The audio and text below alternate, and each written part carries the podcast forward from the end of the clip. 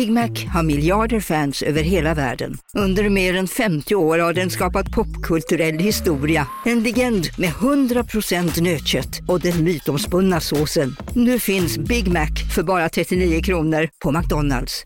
Hej, Susanne Axel här. När du gör som jag och listar dig på en av Krys vårdcentraler får du en fast läkarkontakt som kan din sjukdomshistoria.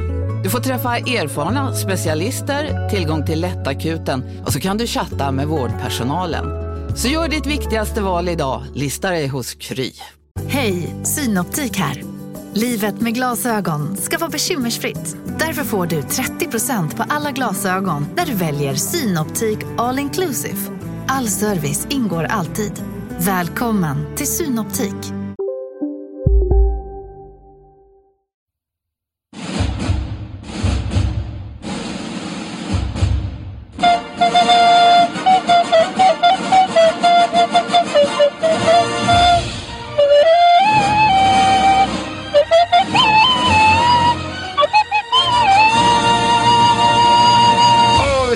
Välkomna till Filmpodden Håller den? Podden där vi tittar på en gammal film vi gillade förut och bestämmer oss för om den fortfarande håller. Jag heter Martin Solveig, här är Erik Broström. My colleagues didn't care for The Shining at first.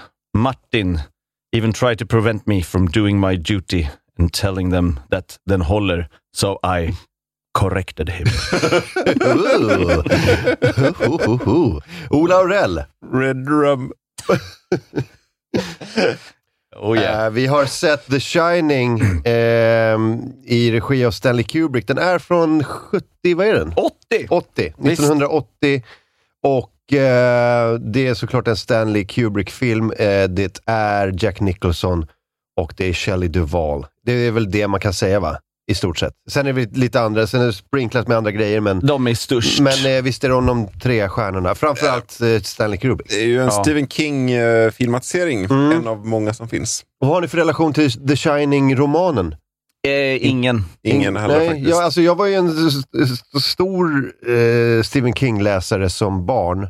Sådär runt 10 till 12, 13, Aha. 14. Läste många, men Shining var de där som jag inte läste. Hur tycker du att... eh, För det var någon som sa nyligen att så här, Stephen King är fan inte bra författare.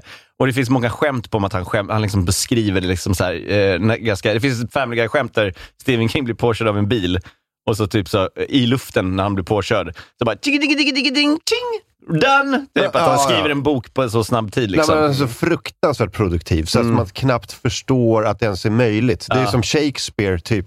Ja. Eh, ingen jämförelse i övrigt, men, men att han, att han eh, kunde vara vara så oerhört produktiv att man nästan tror att det är en hel armé av människor som gör det, snarare än en person. Vilket det kan vara. Eh, Det kan det ju vara. Ja, men vem, vem säger... Vi, vi, vi, ser ju inte när de skrivs. Liksom. Men vad du, du tyckte om dem väldigt mycket förstår jag, om du läste dem. Ja, men jag läste ett gäng Stephen King som Ja. liten. eh, Och, eh, men det här var en av de som jag inte läste. Men jag läste så här Carrie och Det och Pestens tid. Just det. Och eh, vad, vad heter de? Knackarna. Och, är skitmånga. Ja. Jag har sett alla de här. Ja. Jag har inte läst dem. Jag har läst några stycken också. När det, var, det är kanske så här högstadiet. Som jag läste Det och ja, Pestens tid och Mm. till. Djurkyrkogården kanske. ja, precis. Djurkyrkogården kan jag ha läst. Men jag man såg den definitivt först. Men det är, Mm. måste vara en av de mest filmatiserade författarna. Och, eh, alltså, ryktet, om jag förstått det rätt, är väl, eller så här, renommerat, vad säger man, att det, det ofta är lite svajigt. Det är inte alla filmatiseringar som är jättelyckade. I eller- regel är de ju horribla. Det är väldigt få. Jag kan säga några stycken. Eh, för, den här undantaget då, för vi ska diskutera den. Men eh, jag gillar ju till exempel Nyckeln till frihet, som inte direkt är någon skräckhistoria, men det är också Nej, det Stephen tänker King. man ju inte på att det är en Stephen King. Mm, det är sant. Och Är Den det är- en novell eller? Jag tror att det är något sånt där. Så kan det nog vara. Ja.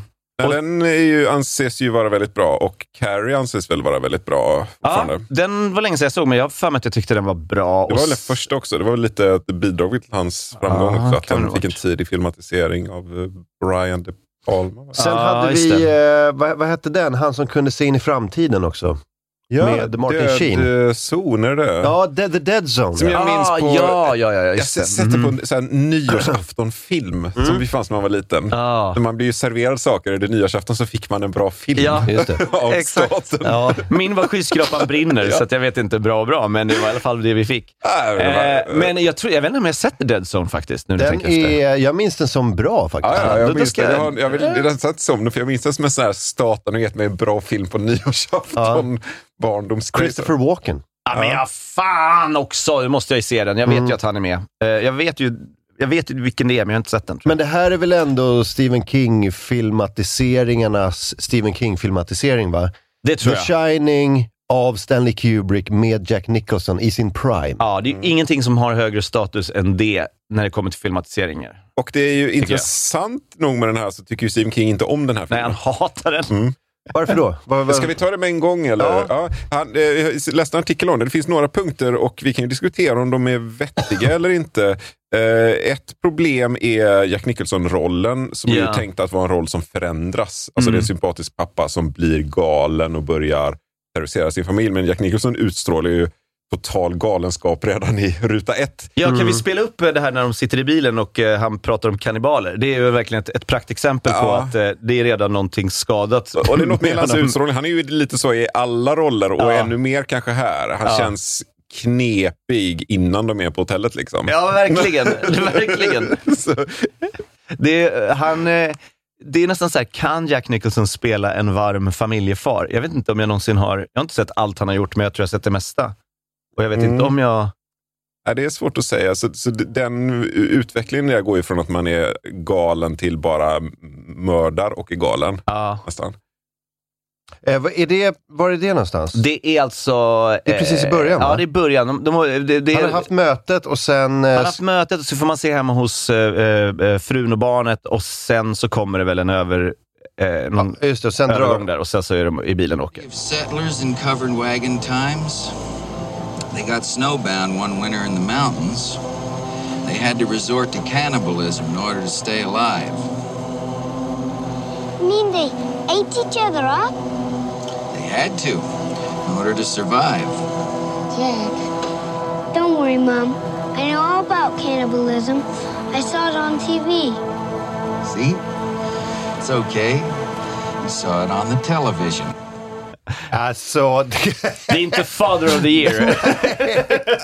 Nej, det är inte det. Och det här knyter väl an till, det finns en anknytande punkt om att filmen inte har med några scener där man får se familjen vara mysig tillsammans. Vilket boken enligt uppgift har. Alltså man får inte någon bild av normalläget. De är sjuka. Liksom, det är en patologisk familj från början någonstans. ja. Ja, men det, det, Stanley Kubrick, Stephen King är så här, det här är en film om en man som eh, förstörs av alkoholism. Det är typ det han har liksom pratat om. Och det har ju Stanley Kubrick lite skitit i. Alltså det finns ju med den aspekten, men det är ju inte alls det som är... Och det är typiskt så, alltså skräckgenren är ju att det oftast är en metafor för någonting annat och att det, liksom, att det, att det ligger ett underba, något budskap bakom där. Och jag kan ju tänka mig att, jag har inte läst Stephen Kings, men jag har sett en miniserie som han har godkänt, som han tyckte var bättre, som jag tyckte var väldigt mycket sämre. Eh, där de, de, de värdena säkert fanns med, att det var en mer resa liksom, eh, för Jack Torrance. Men eh, det är ju inte med här och då, då kan jag tänka mig att Stephen King blir lite putt. Liksom. Ja. Ja. Sen är det ju, eh, Stanley Kubrick har vi ju lärt oss, eh, gör ju precis som han vill. Ja. Och han kunde ju inte bry sig mindre säkert om romanen The Shining va? Nej, Nej. och Stanley Kubrick är ju också någon som kan ha en tolerans för rejäl flummighet. Men det, det kan ju sen Stephen King ha på ett sätt också. Jag, jag, det, det är inte ett av invändningarna, alltså, ingen invändning som Stephen King har så vitt jag vet. Är Mm. att saker bara är lite, inte mycket en hopsatt berättelse utan bara flum. Ja, nej, men det kan det väl vara. Ehm, han har ju sk- beskrivit det som en, ett, eh, en, en kaross, en, en, en, en fin bilkaross.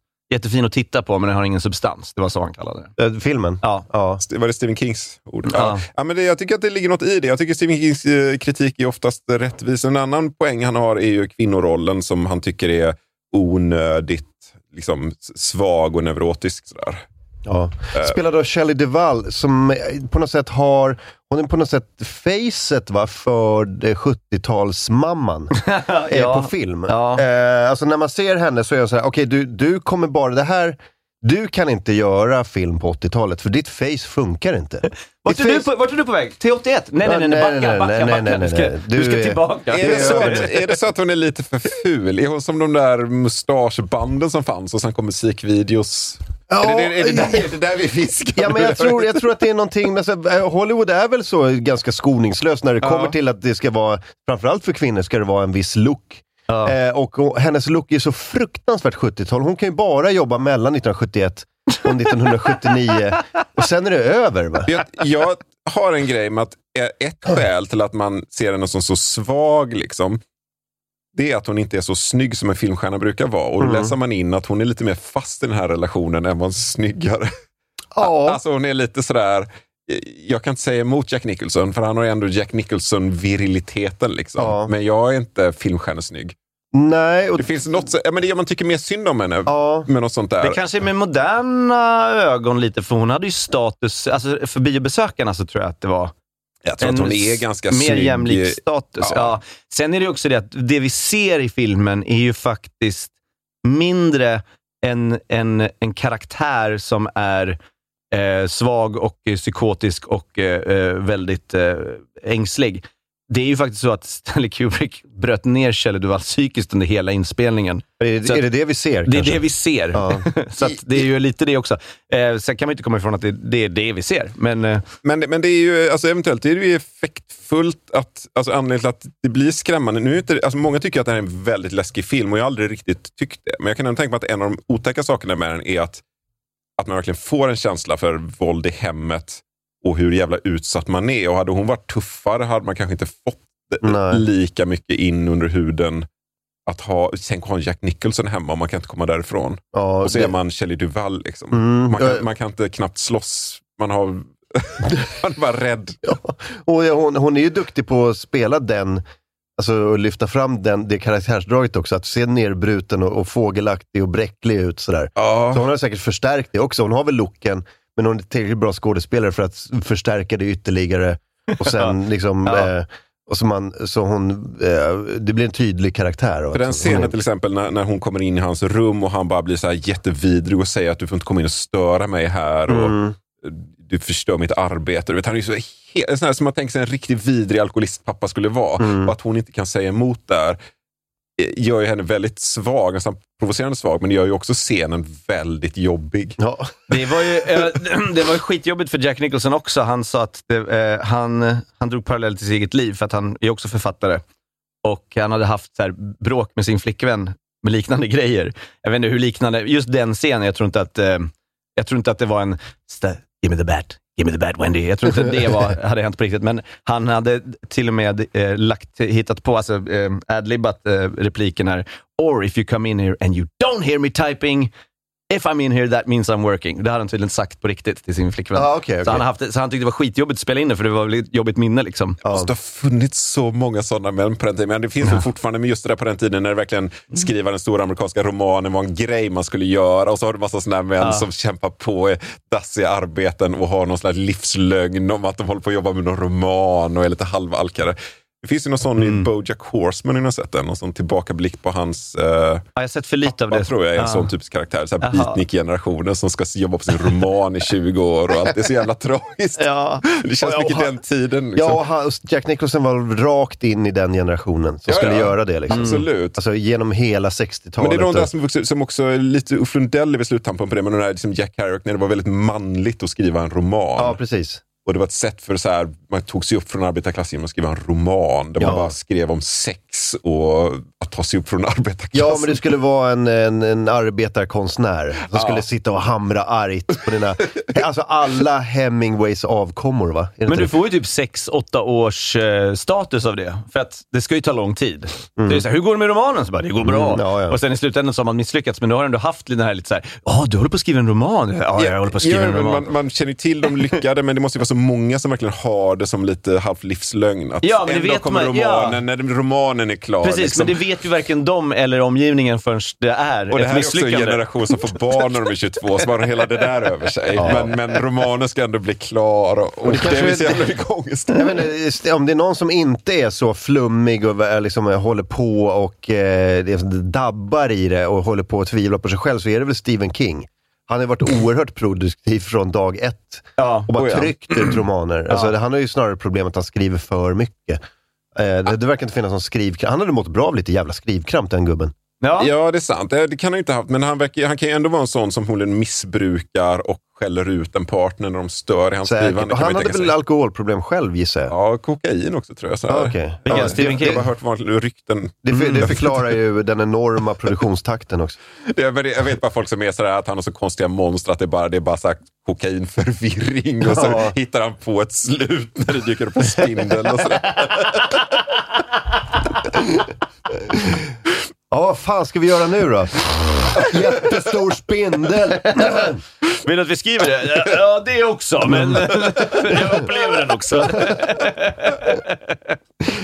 Eh, det som slog mig, för jag hade inte sett den här på jättelänge. Ska vi ta det snabbt också innan vi fortsätter? Ja, det kan vi vad har ni för relation till filmen? Så när såg ni den första gången? Jag såg den väldigt ung, kommer jag ihåg. Jag, men, jag vet inte hur ung, men det var det här att jag inte... Det, jag, jag, mina föräldrar vet inte att jag såg den. Ja. Och jag eh, minns framför allt hur jag blev helt vansinnigt vettskrämd av den här scenen i rum 237 237 med tanten. Mm. Fy fan vad jag tyckte det var obehagligt. ja, just det. Eh, Och tyckte det väldigt länge. Du vet att man kan se om någonting när man blir äldre och så triggar det liksom på något sätt skräcken du hade när du var liten, nästan som ett milt trauma. Jag kunde typ inte se den scenen. Nej. Jag var tvungen att typ blunda, alltså ganska gammal. För den satt så mycket. Eh, nu såg jag den, hade inget problem. Jag bara, Nej. det var en ful tant. Men Ja. jag, jag, jag tar inte bort det från att jag tycker att scenen är dålig eller inte läskig. Det är bara att jag har, jag har behandlat det här nu. Nu är det eh, läskigt på ett annat sätt. Det var bara så. Jaha, där var en rugguggla. Hoppas jag slipper se ut så när jag är gammal. Ola då? Eh, alltså jag kan inte placera det i tid. Det- Det känns som att den kan ha gått på tv och jag kan ha sett den tidigt på video. Det är en sån där som, som fanns som var en klassiker redan så länge jag har kunnat minnas. Ja, samma här. Jag kan liksom inte förstå att den, den kom under min livstid, för den känns äldre. Ja, nej, men den bet sig fast tydligt eh, och ansågs som jag sa vara väldigt läskig. Och eh, Jag tycker också att vissa scener är som den scenen med tanten är ju, är ju så fysiskt äcklig. Liksom. Mm. Men jag har aldrig tyckt att det här är en psykologiskt väldigt otäck film. Nej, inte jag Jag heller. minns till exempel Alien som är från samma tid, som, som väldigt otäck. Liksom. Jag Ja, såg visst. den. Ja. Som men så här verkligen krypande och man klarar att se både de fysiska grejerna, hur, hur monstret anfaller folk och hur smyga i gångar. Alltså det, det är så Ja, eller. Hitchcock-filmer. fanns ju massor, det gick ju massor med Hitchcock på SVT när man var liten. Ja. Och de, de var ju långt läskigare än den här. Den här man. filmen känns, den har några otäcka scener men den känns mer som lite flummig konstfilm Mm. som man kanske beundrar för att den känns snyggt gjord och suggestiv på något sätt. Det var någonting, alltså jag, jag kan inte heller, jag, det var lite som eh, du sa att, Ola, att jag, eh, jag kan inte placera den. Jag, jag tror, har förmodligen sett den på SVT någon gång för hundra år sedan. Den har Men- garanterat gått där, Ja. sent förmodligen, Ja. med lite varningar. Ja, precis. Med lite varningar. Men inte- det måste det ju vara. Men det var inte en film man hyrde eller, eller så här, såg om eller sånt där. Det var skitlänge sedan jag såg Det är den. inte en kompisfilm. Nej, nej. Det men eh, det som slog mig när jag såg om den nu, med, för den fanns på HBO Max och eh, eh, och när man ser den med, med ganska så här, modern tv-skärm och bra ljud och så ser man de första tre minuterna med, med de här flygtagningarna över Ja. bergen. Ja. Hur otroligt jävla snygg den är. Alltså Ja. det, är det är ett jävla konstverk. Den är rent visuellt. fortfarande Mm. snygg. Fortfarande så Man- otroligt snygg. Man kollar på en sån här 90-talsrulle som ska åka över Manhattan. Det skakar ju någonting så in i helvete Inte från den helikoptern. inte här är ju smooth sailing alltså. Inte i närheten. Alltså. Nej. Jag vet inte hur han gjorde det, men det måste ha varit enormt banbrytande att se det här 1980 på, på en biograf. Ja, jag, tror att det var, jag, jag tänkte faktiskt på samma sak när jag såg öppningen, att det här måste ha varit helt sjukt. Och se, det måste ha varit som att se Star Wars. Ja, Alltså i upplevelse, bara, vad fan är det som händer? Visst. Fast det bara är liksom en miljöåkning. ja. Men det är ju så otroligt... eh, Och det, idag hade man kunnat göra det med en skitsnygg liksom, eh, eh, red-kamera som Ja. man drar, eh, sätter fast på en drönare och drar över bergen och sveper Inga över. problem. Men då, det Ja. måste ju ha varit, eh, vilken enorm apparat. Bara den Ja. flygtagningen måste ha varit. Verkligen. Flera miljoner kronor och olika helikoptrar som ska upp och ner. Jag minns att jag läste något om det, men jag sparade inte den informationen. Men det, det, det tog nog ett tag. Mm. Mm. Eh, Så det var det som slog mig eh, först och sen, och sen kommer man till så här, det klassiska så Stanley Kubrick-interiör. Jag är ingen cineast eller, eller filmvetare på något sätt, men, så jag kan inte förklara eller, eller liksom, jag kan inte terminologin. Men man ser att det finns en distinkt Stanley Kubrick-stil såklart. Och det kommer fram ytterligare, alltså, alltså, all, som allra mest kanske i den här filmen. Det är som en uh, Kubrick-orgie verkligen. Ja, Eh, det är ju alla de här åkningarna som är så extremt snygga. Mm. Hela hotellet. Alltså det är så väldigt snyggt uppbyggt hur de har byggt upp alla gångarna och så. Alltså det är väldigt... Eh, visuellt är det ju fantastiskt. Och jag, har, jag har alltid varit svag för fast kamera och jag tycker att för få regissörer jobbar med fast kamera. Mm. Ehm, det, blir, eh, det blir något väldigt så... Det finns en, blir en väldigt så substans i en bild när man har en fast kamera. Allting är liksom formaterat snyggt och sen Mm. eh, så spelar man en scen i den kameran. Kanske nu så här, du växlar lite mer klippning, men du har alltid, utgår alltid från en fast liksom, eh, utgångspunkt. Jag tycker Ja. det är snyggt. Ja. Ja, eh, så det var det. Vad, vad var det som slog er eh, ut, utöver det när ni såg det här igen? Den är ju väldigt så, eh, jag tycker den är väldigt, eh, en sak som jag tycker är kul med den är att den är väldigt överraskande. Alltså det är hela den här, eh, han, eh, Halloran åker liksom, han, han, han vaknar upp, han flyger, han åker bil, han åker snowscooter och så kommer han dit och allt som händer är att Jack hoppar fram och bara ah!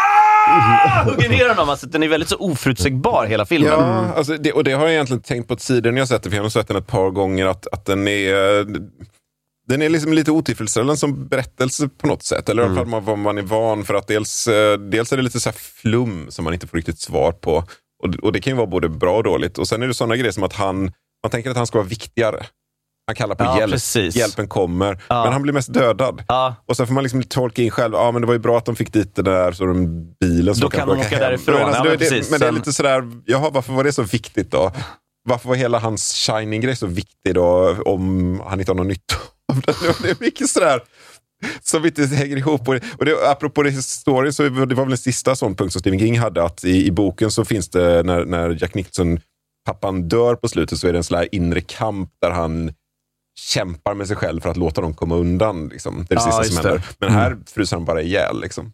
Och sen Men- är det klart. Ja. Och, och det är också sån här, det är något odramaturgiskt över Men det finns, ja, och jag brukar vara försvarare av ganska klassisk dramaturgiskt berättad film. Men jag tycker på något sätt att det är lite gött också att det inte, att det inte behöver vara så sentimentalt. Ja, alltså att det saknas sentimentalitet och, och det där, och alltså det där Stephen King-grejen, det kan jag skita i. Men Mm. det, finns, det är något med flummet som jag är väldigt kluven till. Att, för, för det, just eftersom det ska vara en skräckfilm och det ska vara inlevelse. Och när, jag kan leva mig in i en alkoholistpappas nedgång eller att någon blir galen. Men det är så mycket sån här lösa spökgrejen, saker som kanske har hänt eller någon kanske drömmer det. Och, och det, jag blir lite så här, jag tittar på ett konstverk till slut och jag vill Mm. inte få den distansen. Nej, det känns som att det, eh, balansen är att det känns som att de väger över lite flum. Om, om man hade tagit bort eh, den här kaninavsugningen, som jag, tror att det är. Jag gillar kaninavsugningen. Ja, men det måste du väl ändå hålla med om är flummigt? Alltså det är en del av flummet. Eh, alltså hela, ja, hela konceptet att eh, här pågår någon slags 20-tals dekadent fest som är någon slags, är det helvetet eller något som bara finns Ah. här? Alltså hela det där, det är en indiankyrkogård och här, eh, vi behöver inte berätta riktigt varför de är kvar där. Och, det, det, det tilltalar mig inte för jag tycker inte att det är suggestivt. Jag tycker att det är en dålig spökhistoria som inte får mig att ticka. Ja, jag kan uppskatta festscenen, för att den Ja. är lite dubbelt i vad som är vad. Men jag kan gilla kaninavsugningen liksom. Mm. Men mer för att den är Taget ur weird. kontext låter det där väldigt mycket roligare. Ja, men, jag, men mer för att det är kul och weird som är en schysst, att, att man blir påmind om att ah, det här är en regissör som gör vad han vill. Liksom. Ja. Jag tyckte det här var ballt och jag, då tycker jag, ja det är ballt att du valde att skildra det så. Men det är också, ja, det, det, berätt, ja, det, är ingen, det, är ingen, det är ingen legobit i ett stort pussel för mig. Det, det, jag fattar inte vad... Nej, jag hajar. Och det, och det är lite på gott och ont, men, men eh, jag, jag får en distans till det. Jag tror att jag har problem lite med hela spökgrejen och det är kanske Stephen Kings fel, fel att eh, jag, jag känner inget för spöken och jag fattar inte riktigt vad berättelsen vill ha sagt, mer än att någon blir galen. Jag tycker... Det... Jag tycker att... Jag håller med om att den lider av vissa av de sakerna och det, att det är en väldigt snygg film. Men det är också väldigt bra skådespeleri. Jack Nicholson är Oh ja. på sin Mm. höjd, tycker jag. Alltså, Det är en av, en av mina topp uh, Nicholson-performances. Jag tycker han är extremt bra. Mm. Oh ja. Så att den är ju, men det är som du säger, det är va- väldigt vackert att titta på. Hela den här scenen när han träffar Grady och bara står, alltså den är, den är så otroligt snyggt upplyst. Skådespeleriet är eh, fantastiskt och de bara står i så tysta och pratar lite med varandra. Man bara så här, "Eh, mysigt. Och titta, alltså det, Och, och, och den är otäck. Liksom. Den, Mm. har ingen, den har ingen otäck hele tycker jag. Men, men Gradys förvandling från att vara den där, han plötsligt, han, han är liksom ena ögonblicket är han en så här, liksom servitör som ber om ursäkt och sen har han plötsligt förvandlats väldigt Ja. subtilt och blir en iskall mördare. Ja. Och det finns massa sådana ögonblick. Eller, eller när Shelley Duvall går igenom hotellet och man plötsligt hör den här otäcka musik med lite körer i bakgrunden. Ja. Alltså jag ryser av det. ja. Men det är mycket så här ögonblick som är otäcka mer än att berättelsen får vara genuint eh, Ja, som det, det är väldigt mycket, åh läskigt, och sen går vi tillbaka till utgångsläget. Och utgångsläget, och det är väl kanske eh, för en skräckfilm, är, eh, den ska väl hela tiden hålla spänningen uppe, så man hela tiden är på helspänn. Ja. Men man är verkligen inte på helspänn hela tiden i den här. Utgångsläget är alltid ganska lugnt. Ja. Ja, ja, och det kanske är orättvist för att en skräckfilm överraskar ju. Så man vet, liksom, för mig i alla fall, jag vet ju när allting händer i princip. Men när man inte vet det så ligger man ju alltid man är på tårna. När, det- när det är lugnt är det, kan det ju vara som läskigast också i en film. Om du inte vet när någonting händer. Till exempel David Lynch är ju expert på att skapa den stämningen. Att han kan ju bara filma hur kameran åker runt ett hörn. Man kan ju hålla på och skita på sig, för det, man känner att det kan hända något jätteläskigt. Men det kan också bara vara att vi åker över hörnet. Att det finns den liksom... Eh, ibland när Danny åker så träffar han tvillingarna. Ibland när han åker så gör han inte det. Det är väldigt så. Allting är lite osäkert när någonting kommer hända. Ja. Och det finns ju någonting otäckt i det. Att den, ja, man bygger upp den stämningen, men om du vet redan så... Du vet hur det kommer sluta, så är du inte lika investerad kan jag tänka mig. Det kanske bara är den där första gången. Um, ska vi, har vi, eh, har vi lite, ska vi ha trivia eller ska vi göra eh, eh, siffror? Eh, jag kan bränna av lite trivia först då. Ja, för det, var, det fanns massor va? Sa inte du det? det jag har sållat. Det finns ju en hel dokumentär om filmen som heter, jag tror den heter Room 237, där allting är en stor...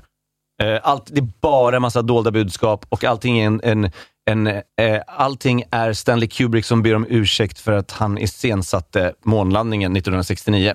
Ja, men den tror jag jag, såg någon gång. Så jag kom hem från skolan och såg den på, på SVT på eftermiddagen. Och jag förstod inte, vad är det här för någonting? För jag, vet, jag kom in mitt i dokumentären. Ja. Och, det, och det är någon typ av så här, alltså fejkad konspirationsteori-film? Är det inte det? Jag tror, inte att, jag, tror, jag tror att det är foliehattar som har gjort den. Ja, jaha, okej. Jag, Jag tror jag, att trodde den att det var som en så här mockumentary, att de, har så här, de driver med hela grejen. Ungefär som den här eh, Konspiration 58, eh, eh, svenska dokumentären om att så här, fotbolls-VM 1958 har aldrig hänt. Ja, Eh, lite, lite så. så här, men alltså, att de, var, men de, var, de här var seriösa. jag alltså. tror det. Jag har sett den och jag läste inte in att det var som en liksom spinal tap-grej, utan Nej. att det var... Okej, vad- det, är Men det- ännu, det är ännu märkligare. Men de trodde på riktigt alltså att, för Stanley Kubrick hade typ så fått Eh, han hade fått jobbet att iscensätta månlandningen och i utbyte hade han fått så här, eh, låna jätteavancerade kameror av Ja. NASA. Ja. Och, Och där, och med de kamerorna hade han gjort The Shining. Och hade så dåligt samvete så han vill på något sätt avslöja det på ett extremt subtilt sätt. Men då ska det vara liksom, till exempel, jag orkar inte gå igenom allting för det är så jävla sjuka grejer, men till exempel så förekommer symbolerna 11 hela tiden i filmen. Och då är det så här, åh, men det är Apollo 11. Ja, just det, han försöker berätta för oss här. Och då, till exempel, all work and no play makes Jack a dull boy. Alla, all, överallt där det står all, så kan du tolka in att L och L faktiskt blir två ettor. Mm. Så det är A11, Apollo 11. Okej. Det är sådana grejer hela vägen igenom. Liksom. Okej. Eller att Jacks type, eh, skrivmaskin är en Adler, som på tyska är Eagle, som är och, det, och, och eh, örnen är USAs flagga, symbol för eh, militärmakt. Alltså du vet, det bara pop, pop, pop, pop, pop. Okej. Så om du vill, så kan du ju säkert göra jättemycket argument för att det var så. Mm. Men du måste ju verkligen gå in i folio mode för att inte förstå att det är totalt orimligt. Liksom. Mm. Men så det finns en, se gärna den dokumentären. Jag funderar nästan på att hyra den, men jag orkar det. Jag tänker, det är en timme och 40 minuter jag inte får tillbaka, så jag skiter i det. Jag har ju sett den någon gång, så jag behöver inte...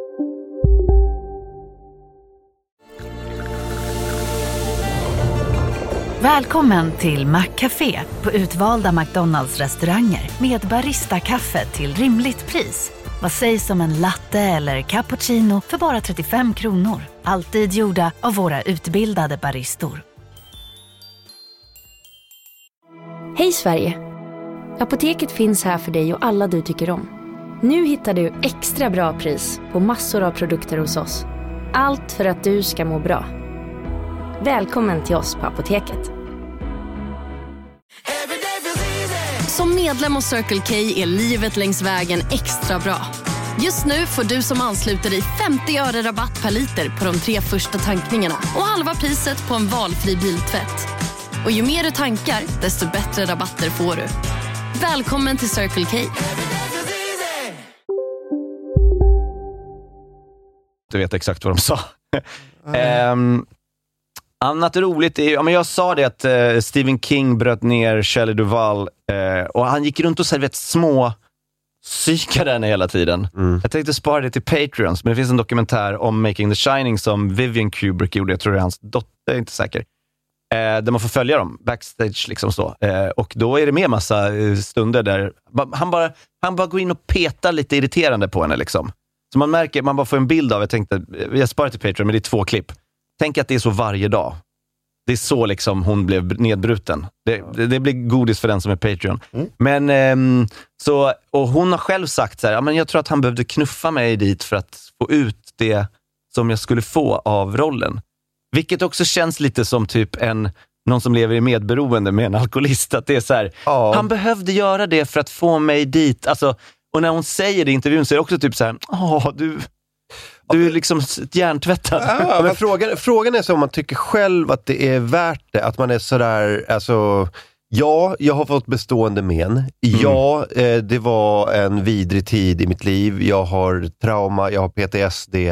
Eh, jag eh, tappade lusten för mitt yrke och sånt där. Och håret, hon tappade håret under inspelningen. Jesus. Men Å alltså, andra sidan, hon blev odödlig inom filmvärlden. ja, alltså, om man har sådana method-ideal, då borde man ju gilla att regissören gör det som krävs. det är Ja, konstigt men- att man skulle dra den gränsen om man nu verkligen vill in i rollen och vill hålla på att ändra sin vikt och jobba med gruvslam 80 timmar och sånt. Alltså, Då vill man väl också ha någon som trackar en tills man blir galen. Ja, ja kanske, men, men framförallt så är det, ja, du, du kan välja att bli liksom eh, en, en, en del av, en, av filmhistorien. Eh, eller så kan du ha ett hyfsat bra arbetsliv och eh, bara göra medioker skit. Ja. Ja, ja. Eh, och jag kan inte se var, så här, jag, jag kan se fördelarna med båda. Ja, jag kan också. Och jag Det tänk- finns absolut någonting i att, men det finns också någonting i att det, det är en typisk form av karaktär som är en regissör som, eh, han är långt ifrån den enda Stanley Kubrick, men det, under den här tiden fanns det ju ett gäng sådana, Brian De Palma också, eh, nej, eh, Coppola, som verkligen så här, de tar sig friheter som de inte riktigt har rätt att göra, alltså som i deras roll. Att de är typ så här, Eh, och jag tror Fincher gjorde det också när vi pratade om Seven, att det är typ så här, slå någon på örat. Alltså så här, typ, bara, gå inte och provocera fram. De, är- de är ju skådespelare. Kan de inte få spela då? Utan, nej, gå, gå och spotta honom i ansiktet utan att han vet om det, så får vi en ärlig reaktion. Var det inte Quentin Tarantino som ströp eh, Lucy Liu eh, i Kill Bill? Alltså det var hans händer som bara, och han ströp henne så att hon höll på att kväva. Alltså, hon var, hade ju på riktigt sådana liksom, nästan dödsryckningar. Öh, det Eh. menar du Diane Kruger i... eh, Nej, Nej? nej, jag Okej. tror att han gör samma sak i Kill Bill. Okej, okej. Eh, när, när det är hon, jag tror att, visst är det Lucy Liu? Ja, hon är med i alla fall. Ja. Ja, och, och jag tror att det är hon som blir strypt, eller så är det Uma Thurman, jag minns inte. Ja. Någon blir strypt i alla fall, och det är Quentin Tarantinos händer Ja. som bara så är på henne, för han ville ha ut du vet, det där ansiktsuttrycket av vi håller snart på att dö. Eh, och det var en typ så. Ja, hon höll nästan på att i alla fall tuppa av. Liksom. Ja, och jag, Knepigt! Jag håller med om att så här, jag, jag är inte ens övertygad om att method är särskilt smart grej att göra på en filminspelning. Jag tänker att det kan vara en bra träning, men att sen kan du plocka fram det. Jag vet att Dustin Hoffman har sagt något liknande. Att så här, du kan inte... Var, varför... eh, Eller vem det nu var. Alltså, så här, Så, ja, där, så där behöver ju inte ens vara method. Det kan ju bara vara att om jag, om jag slår dig ser du chockad ut och så filmar jag det. Ja. det behöver ju inte ens Ja, skådespela liksom. Nej, men precis. Det är det som är nyckeln. Du behöver inte en skådespela. Det, Men, det, det jag har tänkt på mer och mer när jag, när jag hör om så method acting. Alltså, Mm. Jag tror att det är skitbra. Method acting är skitbra om man är en dålig skådis. Men om du är en bra skådis så behöver du ju inte method acting. Nej. Det, för då, det är ju då liksom själva acting kommer in. ja, en, eh, precis, en del hittar det ändå. De Ja. behöver inte den transformationen eller känna så här, oh ja precis, Nej, precis. Men om min du- mamma också. Ja, Mm. men om du är en värdelös skådespelare, då kanske du måste köra taxi i sex månader för att komma in i köra taxi för att se ut som en taxichaufför. Känns som att du kallar Robert De Niro för en dålig skådespelare. Nej, nej, egentligen inte. Men, Men, men, någon eh, lång startsträcka är det Martin försöker säga. ja, En late bloomer i Ja. varje inspelning. Så jag tror det är bara hypen av att man gör det som eh, Judd Nelson som gick runt och försökte infiltrera high school när de skulle göra Breakfast Club. Alltså det är så här, vem fan lurar du 27-åring? Alltså, på något sätt så känns det som att det är coolt att man gör det. Liksom. Att man lever sig in i rollen så mycket att man tappar bort sig. Ja, det är uppfattats som coolt. Jag tror att det Ja. bara handlar om att man är en dålig skådis och inte kan. Nej men precis, men, och här handlar det inte ens om att hon gör det. det hon blir bara psykologiskt trakasserad av regissören Ja. för att han ska få fram en reaktion. Men vad... och- Ja, jag vet inte. Jag kan tänka mig att det finns en romantik i det. Alltså att, att eh, känna, alltså att ha den relationen till en, speciellt om det är så här lite regissör som man har förtroende för att det här är någon som kommer skapa jäkligt bra grejer. Liksom. Och eh, det kommer vara en process som jag ger mig in i. Det kan vara lite farligt och jobbigt men det, det, finns ju, det är också spännande. Liksom. Ja, det är väl förtroende och han, Stanley Kubrick hade väl sån, sån oerhörd respekt också. Man gör ju som han säger eh, för att man har förtroende för honom kanske. Dels för att ja, och han, och han, är en, eh, han är en av de mäktigaste som finns. Så det finns både förtroendet och eh, viljan att göra som han säger. Ja, men det är väl lite som om man går ut i, i, i krig med en general som man... Ja, den här generalen kan skälla ut folk som helvete, men han kommer också se till att vi vinner. Liksom. Ja. Då är man beredd att ta den jobbiga utskällningen Exakt. på något sätt. Jag dör Mm. för dig. Ja, men ja, det finns någonting. Ja. där. Man- Allting måste ju inte vara eh, så här, nej, vi ska, Det är viktigt att vi har ett strikt reglemente, sen kanske resultatet blir lite halvdant. Det- Ja, ja, det har man ju sett hos eh, fotbollsmanagers på toppnivå också. Att de, de får spelare att bara så här, göra vad som helst. Bara, så, här, jag, jag gör vad som helst för dig. Jag springer som en galning i 90 minuter tills mitt hjärta exploderar för dig. Ja. Eh, så det, det kanske var så. Ja, Ja, vi men så vidare. kan det vara. Ja, ja. men, eh, ja, det, det var ju både, både Jack Nicholson och Duvall sa att det är en av de svåraste rollerna, eh, svåraste produktionerna de någonsin har varit med om och till och med eh, eh, Jack Nicholson har sagt någonstans att han eh, ja, men, tycker att det var eh, extra tufft mot Shelley Duvall och att Mm. han var inte avundsjuk på det hon fick gå igenom. Eh, under den här inspelningen så var det tennisturné i Wimbledon och eh, Jack Nicholson eh, älskar tennis. Så han var tvungen att hitta ett sätt att dra ifrån inspelningen. Så han eh, fejkade ryggsmärta och eh, bad om några dagars ledigt. Och eh, Stanley Kubrick brukar inte vara den som ger sånt, men eftersom Jack Nicholson är Jack Nicholson så sa han så här, ja men absolut. Ehm, då så sa, eh, men eh, när Jack var på Wimbledon så råkades han filmas. Han satt- Och då, alltså, det var inte så att han drog iväg och såg match på TV. Han drog, drog till iväg. Wimbledon. Ja. Vad fan, vad, för vi spelar de in den här i Klippiga bergen eller? Ja, jag de tror var de in de den var i- i London Alltså, också. jag. interiörerna var i, i England då? Det kan jag tänka. Ja, Ja, jag tror att det de var någon studio där. Ja, Stanley Kubrick är ju typ flygrädd. Han vill ju inte åka någonstans. Nej, precis. Det tar tid för att ta sig till Klippeberg. Men eh, så han blir filmad då såklart. Han är ju kändis liksom, så han blir fångad på kameran. Åh, och Gud. eh, ja, Kubrick blev ju riktigt jävla Han rasande. blev ju naturligtvis rasande. rasande! Ja, nej, men så att det var... Eh, och eh, jag vet inte, det, det, de, de spelade klart filmen, men jag kan tänka mig att det lär ha varit bråk. Han gjorde ju samma sak när de spelade in Batman. Det det var också i England för Tim Burton. Men då hade han som krav att de skulle se på Lakers. Minns vi Ja, just det. Just det ja, ja. Eh, han, han skulle se alla Lakers-matcher Ja. eh, och det, fick, det var eh, jobba schemat runt liksom Lakers eh, slutspelsschema då. Var det inte då också som de, det fanns någonstans att det inte fanns den matchen, det fanns bara typ cricket eller något? Ja, det var darts tror jag. Dart eller något och sen så hade han och Michael Keaton suttit och sen eh, var tvungna att titta på det där och Ja. sen dagen efter han varit så bara How about that dark game? Så de. Men vilken gammaldags pappa han är, Jack Nicholson, som eh, skriver på en roman och gillar tennis. Ja, nu är det match. Nu ska pappa titta på match. Jag ska gå in och jobba med romanen som en dag ska ge mig upprättelse. Eh, för övrigt den eh, i, i tv-serien Winning Time som går på HBO som handlar om Los Angeles Lakers kommer kanske världens sämsta, eh, världens sämsta Jack Nicholson dyker upp. Ja. Eh, courtside på, på Lakers match det är så här 1980. Mm. Eh, ni kan få se den, den är oerhört dålig, oerhört dålig Jack Nicholson. Alltså, på vilket sätt? Alltså, Eh, nej, det bara ser inte ut som Jack Nicholson. Ser, alltså det ser ut som någon som försöker eh, göra Jack Nicholson. Okej, ja. Ja, det, var, det, var, det, var, det var genant eh, hur jävla illa det var. Det var någon som skrev så här om den. Eh, This guy looks like Bill Hader playing Dennis Leary. alltså, eh, Wow, ja, det- verkligen. Det alltså- ser inte ut som... alltså riktigt illa. Vad jobbigt att få träffa Jack Nicholson och så är det inte riktigt han. Alltså att man blir så besviken på att det är... Ja, Jo, eh, den snön kom från planeten Hoth. Det är, det är samma inspelningsplats som Rymdimperiet slår tillbaka, så att snöplaneten, eh, labyrinten är samma snö som Luke Skywalker kraschlandar i med sin eh, flygare. Eh, det är roligt, tycker jag. Och ehm, Jag tror till och med att det var ju Irvin Kershner, tror jag, som eh, precis, som var regissör. Eh, så han var där och tittade också.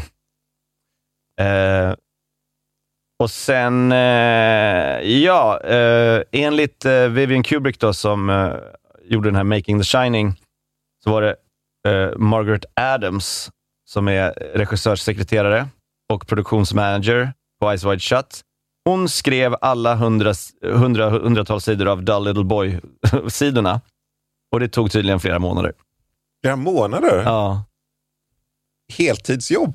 Ja, men hon hade väl andra saker att göra också. hoppas jag. jag tror inte att det var så här... Annars mördar hon sin familj. Vem som helst som gör det där börjar mörda sin familj. Ja, vad jobbigt att man bara ser att det, var det, det är det det handlar om allting. Det Skriv ju- inte samma sak flera gånger. Det är en väldigt klassisk scen. Den här filmen har ju ett antal scener som är så här klassiska, så här mimiga, liksom dyker upp Ja. i Family Guy och refereras till i olika som man ska känna igen på något sätt. Ja, det är ju yxscenen framför allt va? Ja, Ja, Here's Journey. Ja, det känner jag absolut. Men, också, men eh, alltså den eh, med eh, All Work No Play känns ju väldigt som en allmän kulturell har referens. Bart Simpson gjort den i någon inledning av av avsnitt? Det måste han ha gjort. Säkert. Måste. Det- måste. det- Ja, det känns ju väldigt känns redan eh, någon av, de, någon av nära. de första säsongerna. Ja, känns det känns väldigt nära till hands att han skulle ha gjort det. Ja, nej, men det, det, det, finns ingen, det finns ingen risk att han inte har gjort det. Nej, alltså, det finns inte det. en chans. Men och sen också Red Drum och Tvillingarna är Mm. väl också ganska... Och blodhissen. Blodhissen. Ja, Det tog absolut. ju också jävla lång tid att få till. Eh, och att eh, hela tiden så bara, var det bara att Kubrick var så här. Eh, han, det är ju något maniskt med honom. Man märker att han är liksom ett psycho. Alltså Mm. att han, han kan jobba 70 timmar i sträck, men han har ingen koll på att alla andra inte kan göra det. Liksom. Ja. Så han håller på med de här... Det skulle ju vara eh, på tre tagningar, tror jag, att de gjorde det. Eh, men att det var så otroligt mycket pill innan. Eh, och att så här, när dörren öppnades och blodet åkte ut, fatta hur städa upp allt det där och göra om det. Ja. Och t- där tagningen, här kommer blodet och han bara, ser inte ut som blod, så måste de göra om det. Ja. Eh, och eh, att de gjorde det på bara tre tagningar var ju nog, räddade nog ganska mycket. Eh, för annars hade han nog bara tagit om och tagit om och tagit om. Och Ja, den är skitsnygg. Jag, tänk, jag såg på den eh, i morse bara för att kolla lite eh, klipp. Fan vad snyggt det är, den sekvensen. Att det, det liksom landar så snyggt på, på möblerna och liksom, det är så här otroligt Mm. snyggt gjort. Men också typexempel på någonting som är väldigt snyggt, men som jag inte tycker blir riktigt läskigt. det är inte läskigt alls. Därför det är lite abstrakt bara. Ja, ja, ska jag bli rädd för blod ur en hiss? Vad, vad är det jag ska bli rädd för är specifikt? Att jag ska blöda så oerhört mycket in i en hiss? jag Nej, inte. ja, nej, jag tänker väl mer att om man är en liten pojke som ser en, en dörrar öppnas och det kommer blod så, så Ja. känner jag mig inte så säker. Nej, men det är väl mer att man ska det sätta sig in i det hans situation. Läskiga. Alltså, det finns Nej. mycket, mycket sämre skräckfilmer där de bara är sådär, man ser en liten vag rörelse bakom ett träd och så är det så här, ah, jävlar vad det där är otäckt. Det är otäckt på riktigt. Man ser något som rör sig bakom ett träd. Det Visst. blir mörkt i skogen. Men, det här, men hiss är bara konst.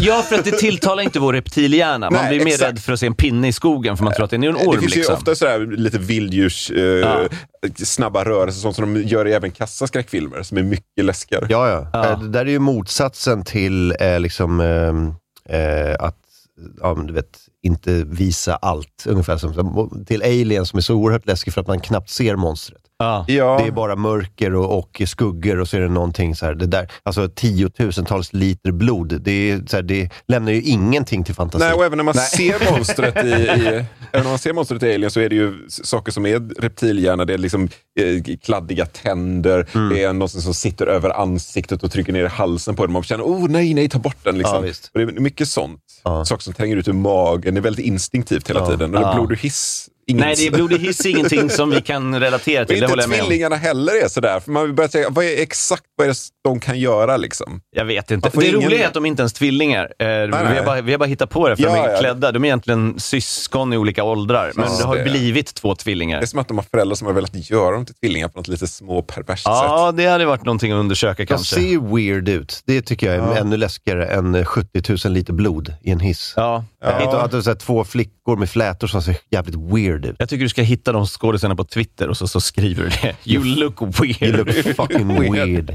Ska vara Eh, Twitterkonto bara för att säga det till dem Ja. och sen aldrig mer. Jag har, lite, jag har lite casting också som är skoj. Eh, för att spela Jack Torrance, eh, James Brolin, Josh Brolins pappa, Harrison Ford, mm. nu börjar det, okej, Martin Sheen, Mm. Christopher Reeve, Mm. Chevy Chase, Chevy Chase hade varit något. Leslie Nielsen. Leslie Nielsen. Det finns ju något med flera av de där, att man skulle få se dem utvecklas. Typ Christopher Reeve från helylle till någon otäck liksom. Det är nog Stephen Kings bana mer. Ja, och det är en annan resa. Och jag, Ja. alltså Jack Nicholson är ju väldigt suggestiv, men, men han är har ju inte alls en kurva. Nej. Men Leslie Nielsen blir ju bara att man tänker den här Ja. nakna pistolen na- narration, att det är så här. Ja, ja. I have been writing for many weeks, bla bla bla. Finally I had my masterpiece. Ja. Hmm. ja, precis. Det skulle bara vara sådana grejer. Ja, han bara plockar upp saker som är så här komiskt, liksom, Ja. det, blir komisk effekt av. Bara, Åh, en banan i en byrålåda. Ja, ja, okej, som du säger. Bara deadpan. Ja. Stop swinging the bat och så slår de och han såhär åh, åh, åh, Nej, det är stoppsugnet och så har hon en fladdermus i handen. Det är bara sådana grejer. Det var så dumhet. Give me the bat! Åh, roligt. Ja, ni ser. Leslie Nielsen, det hade varit en väldigt bra komedi. Spoof på det. Bara stoppa in Leslie Nielsen och göra alla de grejerna. Eh, Slim Pickens eh, blev tillfrågad att spela Halloran, eh, alltså den här Shining-kocken. Men han hade jobbat med honom i Dr. Strangelove och sa, eh, med Kubrick och sa aldrig mer. Okej. Inte en chans. eh, och eh, Jack Nicholson föreslog Scatman Crothers då, som fick rollen för, till Halloran. Och eh, Crothers hade också, som alla andra, en väldigt jobbig tid på den här produktionen. Och de, den här köksscenen de går och pratar om eh, allt som finns i hotellet, de tog liksom hundratals tagningar och eh, de blev ju totalt nedbrutna. Nästa film som Crothers var med på var Bronco Billy som regisserades av Clint Eastwood. Och Clint Eastwood är känd för att nästan alltid gå på första tagningen. One take Clint. Ja. Så när de hade tagit första dagen, första inspelningen och bara en cut. Okej, that's enough of that. Då hade Crothers tydligen brutit ihop av, så här, av lättnad över att typ så här. Han hade liksom psykologiskt ställt sig in på att nu ska vi göra den här tagningen hundra gånger. Oh, wow. Och typ, du vet, och Eastwood bara okej, let's move on. Oh, wow. Det är hemligheten med att göra film tills man är 90. Liksom. Ja, ja, Man visst. sparar sina krafter. Antalet produktionsdagar för Clint Eastwood är ungefär samma som Stanley Kubrick. Men Stanley Kubrick gjorde typ tre och en halv film. Clint Eastwood har gjort 130 filmer. Ja, det jag älskar när någon tar det på första. Det är fan, gud vad härligt. Ah, that's good. Men det är också någonting om man säger typ så här att, eh, jag tycker det vittnar om en större kontroll som Kubrick önskar att han hade. Det är bara att han, har omöj, han, han, han vill uppnå omöjlig kontroll. Och, spe, eh, och, och Clint Eastwood är så här, och det här är bara så jag som spekulerar, men det låter rimligt för mig. Han, han, han tänker, vad är enklast möjliga setup här för att få det att funka? Och så jag till att jag har de förutsättningarna. Och så kör vi. Så att han har liksom en större övergripande kontroll.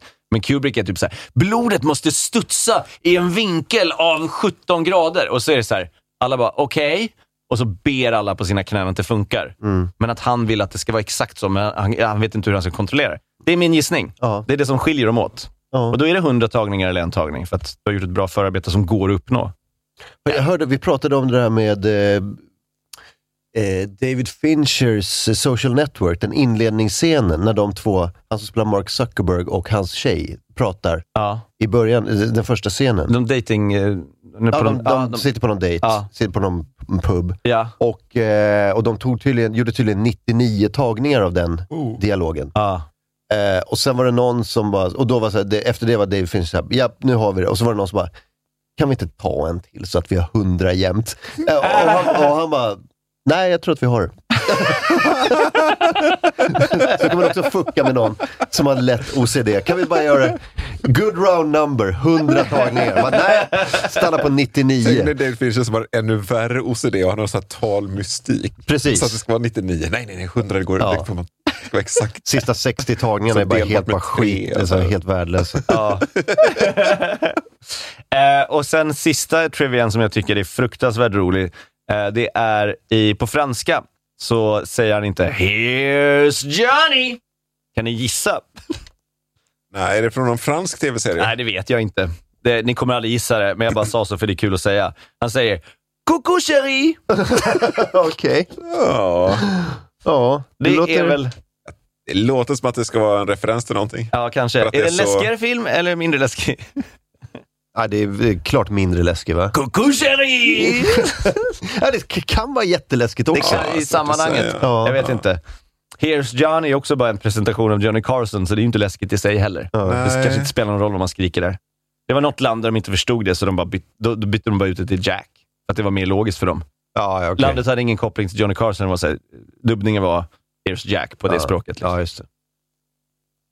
Så det är väl rimligt. Ja, men det är väl typ, eh, kanske har någon grej spart till Patreon här, men eh, det var väl det. Och siffror kanske vi är intresserade av. Ja, ska vi göra det? Ja, varför inte? Den eh, budgeten var på 19 miljoner, den spelade in 47 miljoner och växelpengar 300 000. Någonting sånt där. Eh, och vart låg den i det här året? 1980 så toppades det av Star Wars The Empire Strikes Back. Såklart. De spelade in 291 miljoner. Sen var det 9 to 5, det är väl en Dolly Parton-rulle va? Ja, ja. Sen har vi eh, Stir Crazy, jag, lite, har lite, jag vet säkert svenska titeln, men jag vet inte vad den riktigt står för här. Airplane på fjärde plats, ett komediår kan man tänka. Any Which Way You Can, som jag också tror att det är eh, en komedi. Åttonde plats, om jag hoppar ner lite, eh, Nu blåser vi snuten 2. Nionde plats, The Blues Brothers. Eh, elfte plats, Popeye, eh, Popeye som eh, floppade totalt. Blå lagunen, Urban Cowboy, The Shining kommer på 14 plats och strax efter är det Cheech and Chongs Next Movie. Men ändå en del klassiker från det här året. Ja, va? även Caddyshack, fredag den 13, Brubaker oj. med Robert Redford, Elephant Man, Bronco Billy samma år. Eh, så att eh, stackars Scatman Crothers gick från eh, film till film och fick, och Raging Bull, men den måste nog ha legat från förra året känns det som, att den, skulle, den borde ligga högre upp. Men ja, massa, massa, massa klassiker. Eh, Det där är ju... eh, det- Men det känns som att många av dem kanske inte gjorde sina största pengar på det liksom biointäkterna. Utan Nej. eh, det, de här har ju levt kvar. Ja, vi har Flash Gordon som har bara blivit en riktig kultrulle, men det var väl ingen som brydde sig så mycket om den när den Nej. kom. Men minst eh, fem av dem där är ju riktiga klassiker som bara finns Oh ja. på alla plattformar sen dess. Ja, liksom. men visst. Det är ju verkligen, eh, verkligen så. Mycket skräck och komedi Mm. kan man notera. Prom Night, The Fog och sen alla de här. Väldigt mycket blandat av skratt och skräck Mm. 1980. Och en Star Wars-film. Det är väl det. Ja. Det om det på den. Ja, har ni några favoritscener? Eller ska vi ta det till Patreon kanske? Vi kan, kan Ja. eh, ta lite, Mix it up. lite favoritscener på Patreon. Vi Ja. kan ta lite, eh, prata lite casting. Ja, det har jag redan Eh, gjort. Men eh, jag har ingen mer på casting. Men, eh, Men vi ska casta lite folk också. Ja, va? det ja. vi ska kasta. Ja, Ja, det. ja. Ja, ja, ja. Ja, Ja, det. Ja. Vi- Jag tror att, är är det inte, åh, det är både Arnold Schwarzenegger och Sune Mangs. Det är så många som ska få plats. Ja. Ja, det ska vi göra. Ja, ja, ja. ja. Eh, häng med oss in bakom där så pratar vi vidare. Eh, tills dess, jag har varit Martinsson. Vi, måste vi, vi, den vi måste se om den håller. Ja, gud! Herregud! Oj, oj, oj. Herregud, det vad håller är på sluta. Vad håller jag på med? Ja.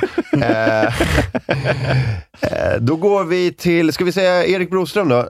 Mm. Eh, håller den, The Shining. Ja, jag tycker att den håller. Jag, jag tycker inte den är läskig, men jag tycker den är vacker. Mm. Och jag tycker det är bra skådespeleri och det är en klassiker. Och eh, jag har svårt att se att jag skulle se en Stanley Kubrick-film som inte håller. Nu har jag sagt väldigt mycket skit om honom, men eh, jag, måste, jag, kan inte, jag, jag ska vara lite hycklare och säga att jag, är väldigt, eh, jag uppskattar resultatet väldigt mycket ändå. Mm. Så ja, bra hantverk och, eh, och ändå håller jag med Stephen King. Det är ett snyggt eh, chassi. En, en snygg kaross. Mm. Men ibland så kanske det är allt jag behöver av en film också. Eh, och ja, en av Jack Nicholsons bästa prestationer. Så där har vi det. Eh, Ola Aurell, håller den? Ja, jag, jag håller väl med Erik rätt mycket. Jag, jag tycker att den håller. Hade jag varit på så här grinigt eh, humör, tycker att den är överskattad och markera och sådär, så har jag kanske sagt att den inte håller. Men, men den är snygg, det är fin musik, det är välspelat, det, det är liksom ett, någon slags konstverk alltihop. Och den innehåller så, här, så mycket klassiska segment och sånt, så den, den håller absolut. Men jag, jag tycker Stephen King har rätt i all sin kritik, plus att man kan rikta en del kritik mot Stephen King också förmodligen, med hur han förhåller sig till spänning och skräck och så.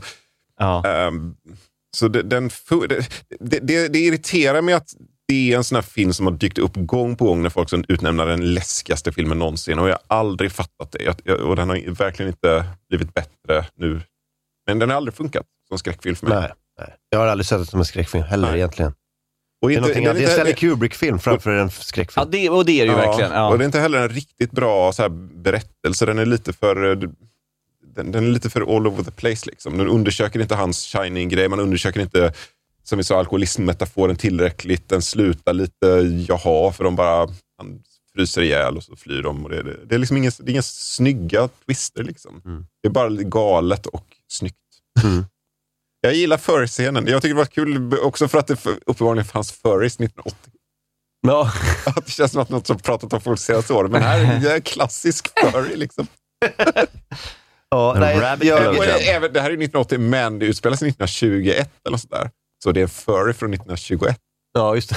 Vintage furry. Det kan vara som man pratar om patient zero, det kan vara furry zero. Ja, här. Ja, första furryn. Så jävla tidigt ute där.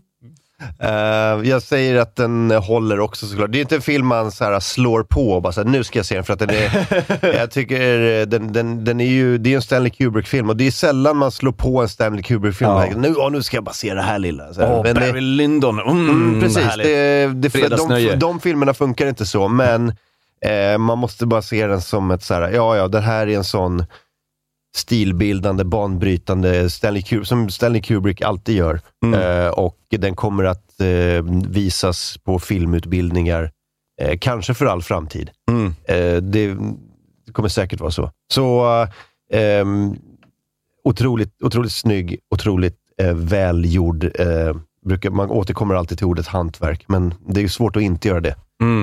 med en Stanley Kubrick-film. Så självklart håller den på sitt sätt. Ehm, men inte särskilt underhållande. Mm. Mm. Eh, så ja, men vi, vi är rätt överens va? Jag tror det var... Ja, Ja. den håller. Ja. Ja. Eh, Nästa vecka? nästa vecka så är det Meet the Parents. Jo! Mm, med Fokker, eh, som han heter i efternamn. Ja. Mm. Eh, så det blir kul. Du har inte sett den? Jag tror inte det. Nej, jag såg det på minen. Nej. det är Robert De Niro och eh, det är din favorit Ben Stiller. Han ska eh, möta sina svär, blivande svärföräldrar. Nej, ja, inte ens det. Robert Men, De Niros komediperiod. ja, det är strax efter uh, Analyze This nästan. Exakt. Så Ja. att det är liksom, åh ja, vi slänger in honom i komedier. Så det här är fortfarande när det är friskt Mm. med De Niro Precis. i en komedi. Men han, De Niro har också gjort, eh, han gjorde ju också Midnight Run, typ 88 Ja, eller någonting. Ja. Där var han kanon, tycker jag. Ja, den ska där- vi också se någon Den gång. tycker jag vi ska skriva upp. Den jag lägger den på listan. Det tycker jag. Ehm, så han, han hade det innan, man kanske inte var lika intresserad, men sen kom han in i någon typ av komedi-era, där han bara, där bara brände av dem. Ja, jag behöver inte göra något så mycket mer. Ja. Jag kan bara göra komedier. Men det finns mycket att säga om den filmen också. Ja, jag tror att det kan vara jätterolig konversation, så att Mm. jag ser fram emot att se den. Eh, och jag ska lägga till också nu när vi tar oss in i Patreon, att då får man också veta varför Jack Nicholson bara fick ostsmörgåsar i två veckor och hur, hur omskrivet manuset var under produktionen. Var det som ett straff för Wimbledon-episoden? Det får ni bara veta om ni blir Patreons. Ja. Inga jordgubbar nu. Inga jordgubbar längre. Nu är det bara ostmackor. Where's my damn strawberries? Eh, Jag har varit Martin Soneby, du har varit Erik Broström, du har varit Ola Rell. Vi hörs. Hej då! Hej då.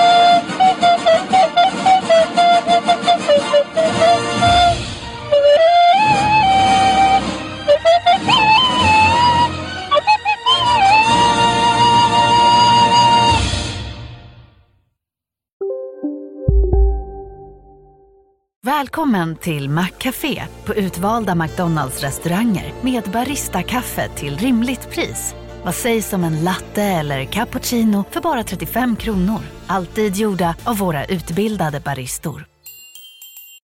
Ni är med om det största. Och det största är den minsta. Ni minns de första ögonblicken. Och den där blicken gör er starkare. Så starka att ni är ömtåliga. Men hittar trygghet i Sveriges populäraste barnförsäkring. Trygg Hansa. Trygghet för livet. Okej hörni, gänget! Vad är vårt motto?